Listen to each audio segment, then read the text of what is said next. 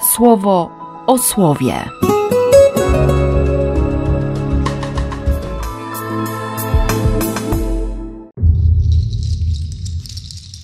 Trzydziesty maja, poniedziałek. Apollos zaczyna karierę w Koryncie, nie? Nie, to nie kariera. Ma ducha, głosi słowo, wie, że to jest łaska i, i się dzieją piękne rzeczy. Paweł tymczasem dociera do Efezu i, i spotyka ludzi, którzy nazywają się uczniami Pana. Więc szybkie pytanie: czy przyjęliście Ducha Świętego? Nawet nie słyszeliśmy o kimś takim jak Duch Święty. Kto to w ogóle jest? No to jaki chrzest? Do nawrócenia. Kiedy Paweł im wyjaśnił różnicę między chrztem Janowym a tym, co to znaczy zaufać Jezusowi, natychmiast zadeklarowali, że chcą się poddać zanurzeniu w świętość Jezusa jako Pana. Piękne jest to określenie w NPD. Paweł w modlitwie wyciągnął nad nimi ręce, duch spoczął na każdym z nich. I wszyscy zaczęli wielbić Boga, mówiąc obcymi językami i prorokując. Nagle zobaczyli rzeczywistość taką, jaka ona jest, i zaczęli wielbić Pana, używając rozmaitych języków, tak jak im duch pozwalał mówić. Wydaje się, że to tylko prosta opowieść, ale widzę w tym słowie ogromną troskę Boga. Posyła Pawła do tych, którzy chcą zanurzyć się w świętość Jezusa. Duch Święty rozpala ich, zmienia im patrzenie, nawet słowa im poddaje, inne niż dotychczas. I nie bez znaczenia jest fakt, że ich było dwunastu. Pełnia, Kościół, Kościół, który nieustannie potrzebuje zanurzenia w świętość, uświadamiania sobie, że jesteśmy zanurzeni w świętość Jezusa.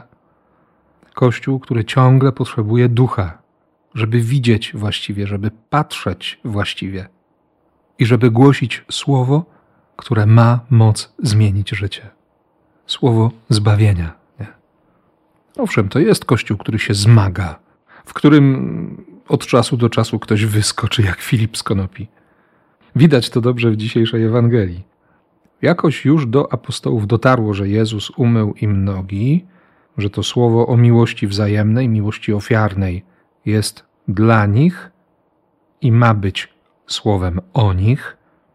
W międzyczasie kilka pytań, bo i Tomasz, i Filip się odzywają, i Juda. No i wreszcie takie zadowolenie z siebie, typowo męskie. No, nareszcie mówisz w otwarty sposób, bez przenośni i przypowieści, teraz ponad wszelką wątpliwość widzimy, że wiesz wszystko i nawet nie ma potrzeby zadawania ci pytań, dlatego ufamy ci, że jesteś z Ojca. Wierzymy, że jesteś w Ojcu, że przyszedłeś od Ojca. A Jezus na to bardzo konkretnie i krótko. Tak, mówicie, że mi ufacie. Ja mówię, że zbliża się czas, a właściwie już nadszedł, że się rozproszycie i opuścicie mnie. Każdy ucieknie w swoją stronę. No, jak grom z jasnego nieba. Jednak ja nie będę osamotniony, bo Ojciec zawsze jest ze mną.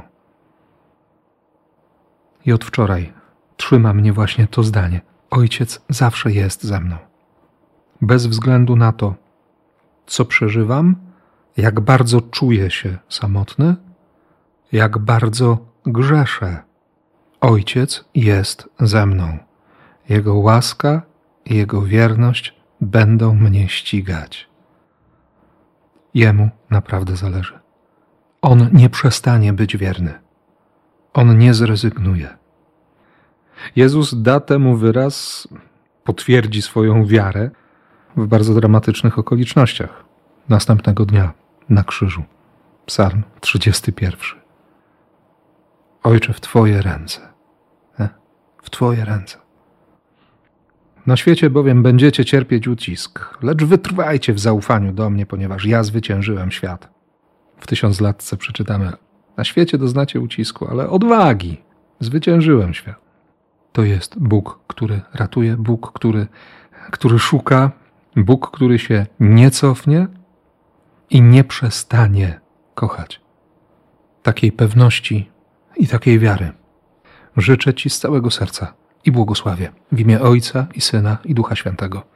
Amen. Słowo o słowie.